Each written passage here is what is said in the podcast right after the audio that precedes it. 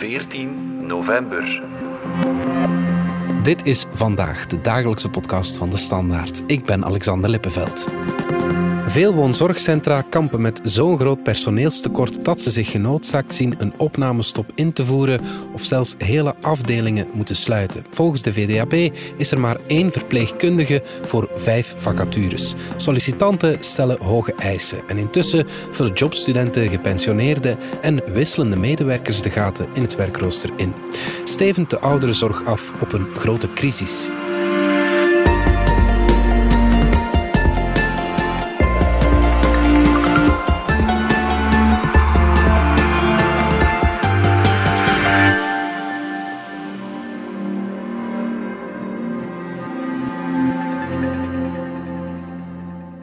Goedemorgen, meneer Van Dissen. Welkom in uh, Populierenhof. Zal ik u meenemen op een rondleiding? Graag, dank Daar u.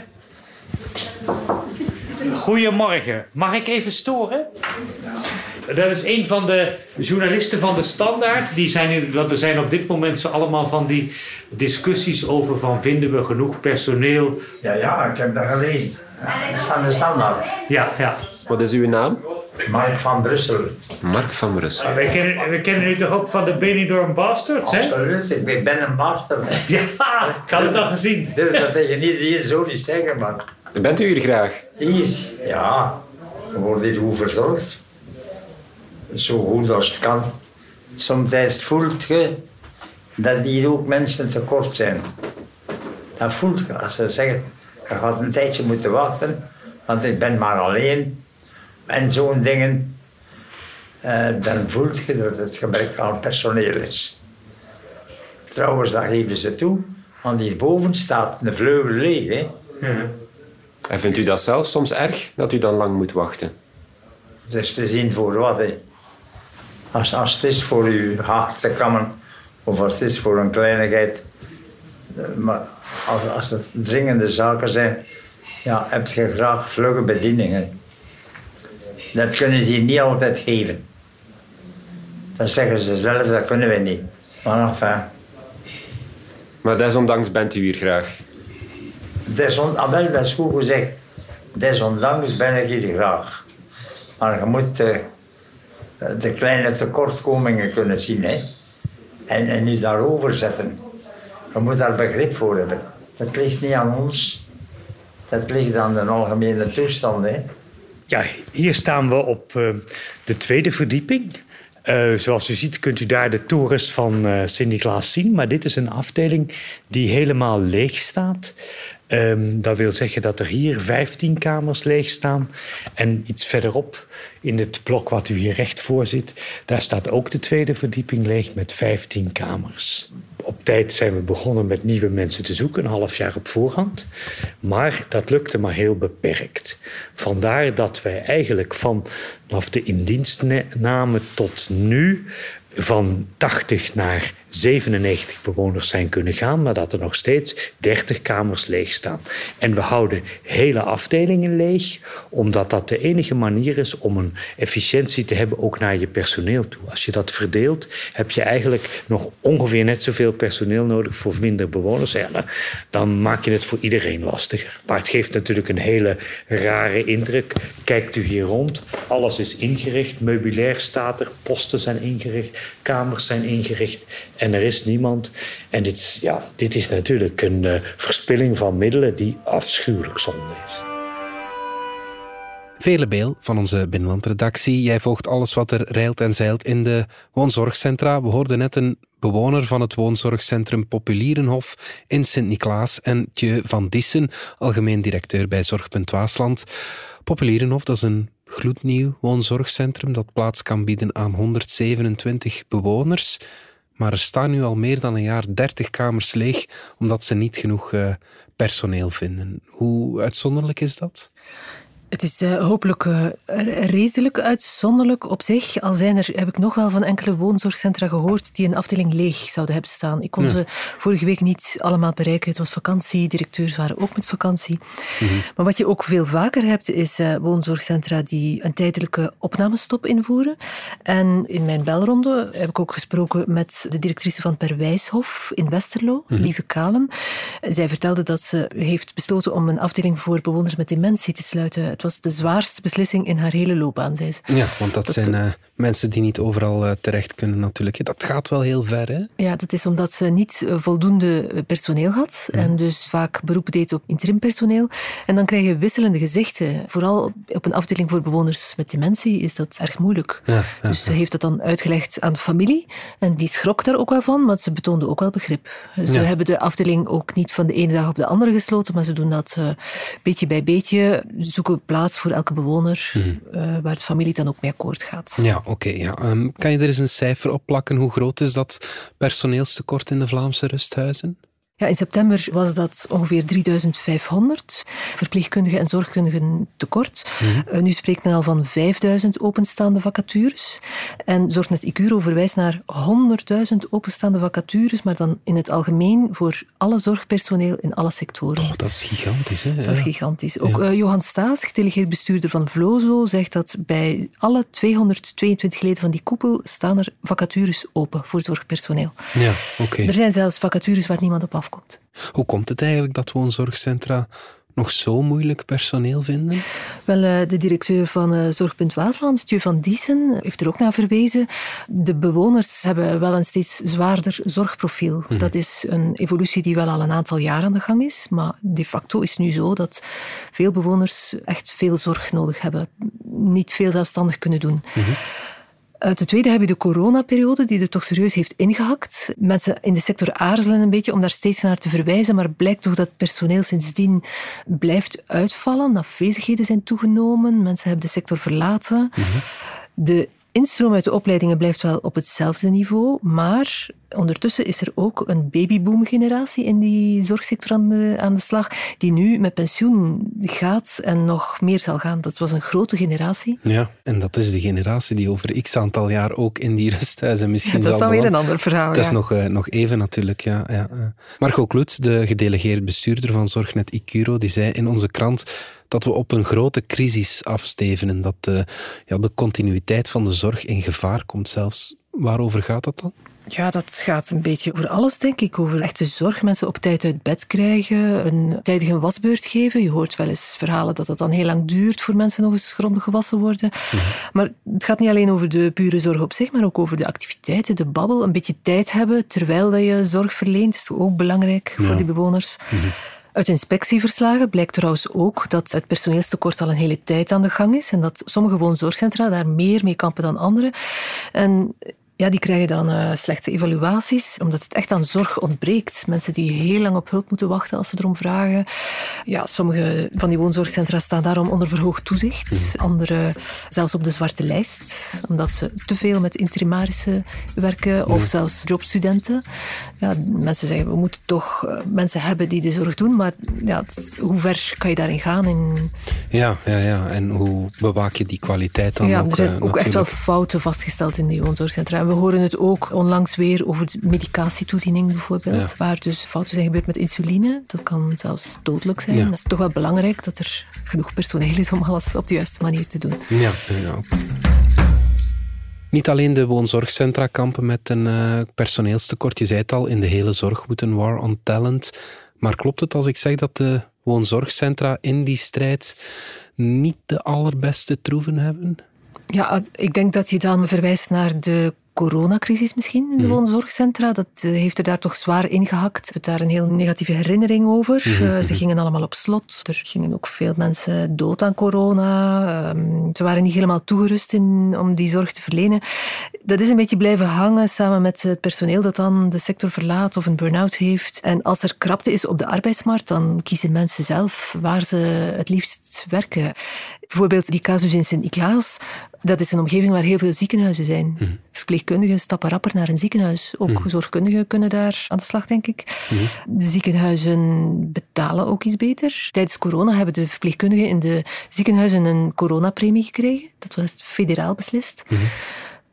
De verpleegkundigen in de woonzorgcentra kregen dat niet, want dat is Vlaamse bevoegdheid. Ja, dat ja, zijn allemaal dingen die meespelen. Ook in dat eh, woonzorgcentrum in Westerlo ja, ziet die directrice wel dat, dat mensen niet al te happig zijn om ja, in dienst te treden, zeg maar. Hè. Ja, ze vertelde me dat ze het af en toe vraagt aan interimarissen of ze niet in dienst willen komen. Ze kijkt een beetje wie zij zelf dan het beste vindt en hoopt dan om hen als werknemer binnen te kunnen trekken. Maar die mensen zeggen meestal nee, ze kiezen liever zelf hun uren. Ja, het vervelende is voor haar dan dat ze met de, de vaste personeelsleden moet ze eigenlijk inplannen in al die uren dat de interim-medewerkers niet willen komen. Ja. krijgen dan de moeilijke uren. Het Ja. is niet zo'n leuke Een heel situatie. omgekeerde wereld Ja. zelfs eigenlijk. Ja. Ja. Komt blijkbaar zelfs voor dat een zorgkundige liever zijn of haar ontslag geeft om dan als uitzendkracht in hetzelfde rusthuis weer aan de slag te gaan. Ja, dat, is, eh, dat horen we ook al een hele tijd. Als interimmer krijgen ze blijkbaar ook beter betaald. En eh, ja, als je dat ziet gebeuren, dan sommige mensen trekken een conclusie en koppelen al die voorwaarden, beter loon, betere uren, aan elkaar. Ja. Zijn het dan de extra legale voordelen? Is dat niet de manier dan om het eh, personeelstekort te gaan oplossen? Ja, ik weet niet in hoeverre dat eh, kan. Een directeur of directrice kan dat niet zomaar beslissen, denk ik. Ik hoorde wel bij Armonea dat ze erover denken om enkele extra legale voordelen in te voeren. Dat hebben ze nog verder niet bekendgemaakt. Wat dat dan zal zijn. Maar de meesten moeten natuurlijk vooral hebben van de goede sfeer en de goede werkomstandigheden. In Genk vertelde directeur Jos Aben mij dat hij nu tegemoet komt aan de vraag van vaste werknemers om hen zoveel mogelijk een voltijdse job te geven.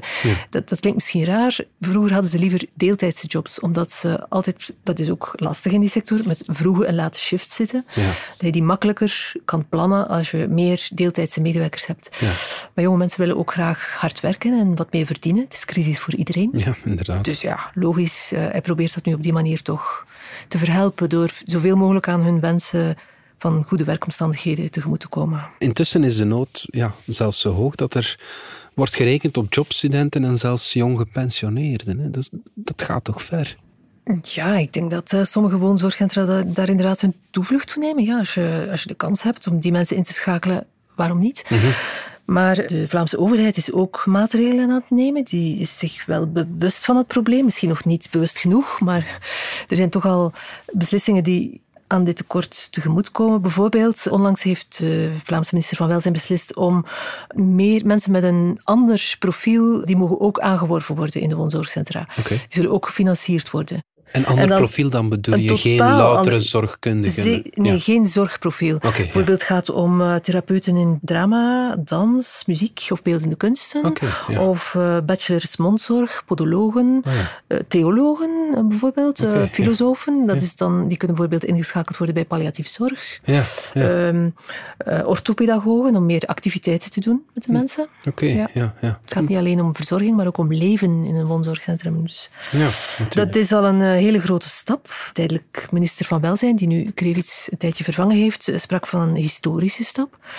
Voor de koepels gaat dat nog niet ver genoeg. Zij willen nog een grotere flexibilisering. In de horeca worden gaten soms opgevuld door eh, ja, flexiejobbers, mensen die naast hun voltijdse loopbaan nog wat bijklussen. Bestaat dat ook in de zorgsector? Ja, nee, voor de zorg zelf is dat uitgesloten.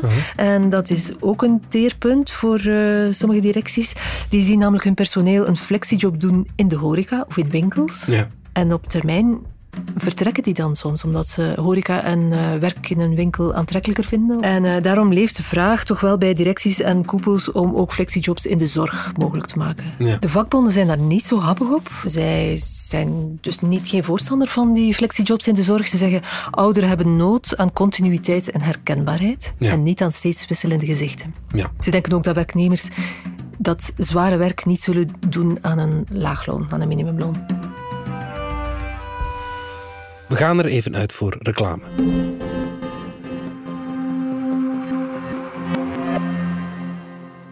Ik ben Elke van Mello, radiostem en actrice. Hoewel ik in mijn job altijd mijn hart volg, moet ik als zelfstandige soms ook rationele keuzes maken. Dus rij ik met een plug-in hybride van Mercedes-Benz. Ik verbruik minder, rij vaak volledig elektrisch en fiscaal is het gewoon mijn beste optie. Dus slim gekozen, maar toch ook met het hart. Nieuwe bedrijfswagen? Bij Mercedes-Benz Heden Automotive maken we net als voor elke ook voor u graag een berekening op maat. Meer info op hedenautomotive.be.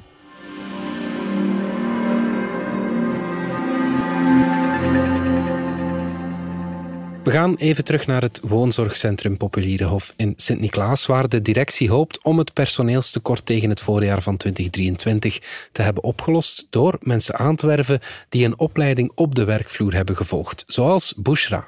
Zij werkt al sinds 2013 bij Zorgpunt Waasland, poetst en bezorgt er maaltijden in het woonzorgcentrum en schoolt zich nu bij tot zorgkundige. Met de deur. Eetje. Raymond. Met de deur. Met de deur. Met de deur. Nee? Nee, schallen. Ja, prima. En kinderhand. Is hand nog wel. Wauw. Perfect. Eh, ik ben Bushra. Ik ben 47 jaar. Ik eh, kom uit Marokko. Ik werk bij uh, Zorgpunt Wasland vanaf 2014 in de hoteldienst. Uh, poetsen. Voor de kamers van de zorgvrager poetsen en, zo dan. Met maaltijden helpen. De uh, dienen van maaltijden. Koffie en zo. Maar we mogen geen, bijvoorbeeld geen eten aan de mensen geven, helpen om te eten, de mensen om, omkleden, uit omkleden, zo steunstokken. We mogen dat niet doen, maar ik heb gezien, normaal sta ik, sta ik in de Lindenhof in Belcele. En ik heb ik opgemerkt dat de collega's echt wel, die, hebben, die hadden dat te druk. Ze moeten lap, lap, lap, lap, lap, lap doen. Soms die stond alleen met de twee of drie mensen voor 32 mensen.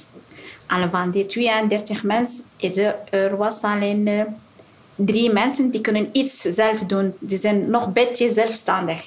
En de rest moeten zij alles voor hen doen. Dus soms, we staan in de hoteldienst. Is er dingen die, uh, is er dingen die mogen we niet doen. Maar we zijn ons collega te druk zijn en doen we dat wel. En daarom heb ik gekozen voor zo'n opleiding te volgen. Ik, ik doe dat. Maar uh, wat kan ik doen? Is er bijvoorbeeld die stoma zorgen en doe, dat kan ik, dat doe ik niet. Ik doe wat zo, wat, uh, bijvoorbeeld de mensen wassen, uh, zo dingen, eten geven en zo. zo wat, wat kan ik doen? Maar wat, wat mag ik niet doen, dat doe ik niet tot ben ik klaar met mijn opleiding. Ja, Veerle, is dat dan de oplossing? Ja, logistieke medewerkers, ondersteunend personeel, zeg maar, opleiden tot zorgkundige? Ja, zeker wel. Nu, dat zijn ook projectprogramma's. In Sint-Niklaas heeft men daar de middelen voor om dat te doen. De directeur daar, Van Diesen, zegt wie dan op die manier zorgkundige wordt, door leren op de werkvloer. Dat zijn mensen die al bij het woonzorgcentrum horen, zich daar al goed voelen. Die blijven meestal ook daar als zorgkundige aan de slag. Ja. Er bestaan vergelijkbare programma's om zorgkundigen op de werkvloer op te leiden tot verpleegkundigen. Daarvan zegt hij dat hij driekwart ziet vertrekken naar een ziekenhuis. Ja, oké. Ja, ja, dat is moeilijker. Maar ook in Genk zouden ze graag meer medewerkers zo'n scholing op de werkvloer aanbieden. Ze hebben daar bijvoorbeeld, bij Zorg Genk hebben ze huismoeders per afdeling. Dat zijn medewerkers die zorgen voor de sfeer, een beetje de leefgroep begeleiden overdag. Er zitten zeker mensen bij die opgeleid kunnen worden tot zorgkundige. Maar die mensen, zegt hij, zullen niet meer uh, een lange opleiding volgen en naar school gaan. Die hebben ook die opleiding echt in het werk nodig en hij krijgt dat niet rond. Hij krijgt daar de middelen niet voor. Ja. Dus het is niet zo dat dat in heel Vlaanderen uitgerold is voor iedereen. Laat ons eerlijk zijn, velen, is de oplossing niet gewoon die job veel aantrekkelijker maken en vooral het loon veel aantrekkelijker maken? Want zorgmedewerkers worden toch onderbetaald, hè? Ja, zeker. En dat is ook dus hetzelfde probleem in de kinderopvang, waar mensen met een niet zo heel hoge scholing toch een uh, belangrijk, verantwoordelijk werk doen, met moeilijke uren. En zwaar werk. En met mensen werken, zwaar ja, werk. Ja. hebben ze bij Vlozo ook gezegd, of ze vragen daar nu nadrukkelijk naar een interministeriële conferentie, zodat de federale minister van Volksgezondheid en de Vlaamse minister van Welzijn en Volksgezondheid samen zouden zitten en eens kijken wat moet er gebeuren om die job aantrekkelijker te maken, om die sector te verbeteren. Dat zal zowel te maken hebben met opleiding als met verloning. Ja. En dat gelijk uh, stellen of, over alle niveaus, federaal, Vlaams. Uh, Ja, zodat de ene niet mensen wegzuigt uit de andere Ja. sector. Hoe dan ook, denk ik dat de druk toch heel hoog zal blijven. Er komt een enorme verouderingsgolf op Mhm. ons af. Niet alleen eh, veel meer 65-plussers, maar ook veel meer, een veel grotere stijging bij de 80-plussers. Mhm. Volgende decennia, en dat zijn mensen die allemaal zorg zullen nodig hebben, vermoedelijk. Dementie zal Mhm. ook stijgen, wereldwijd eh, wordt daarvoor gewaarschuwd.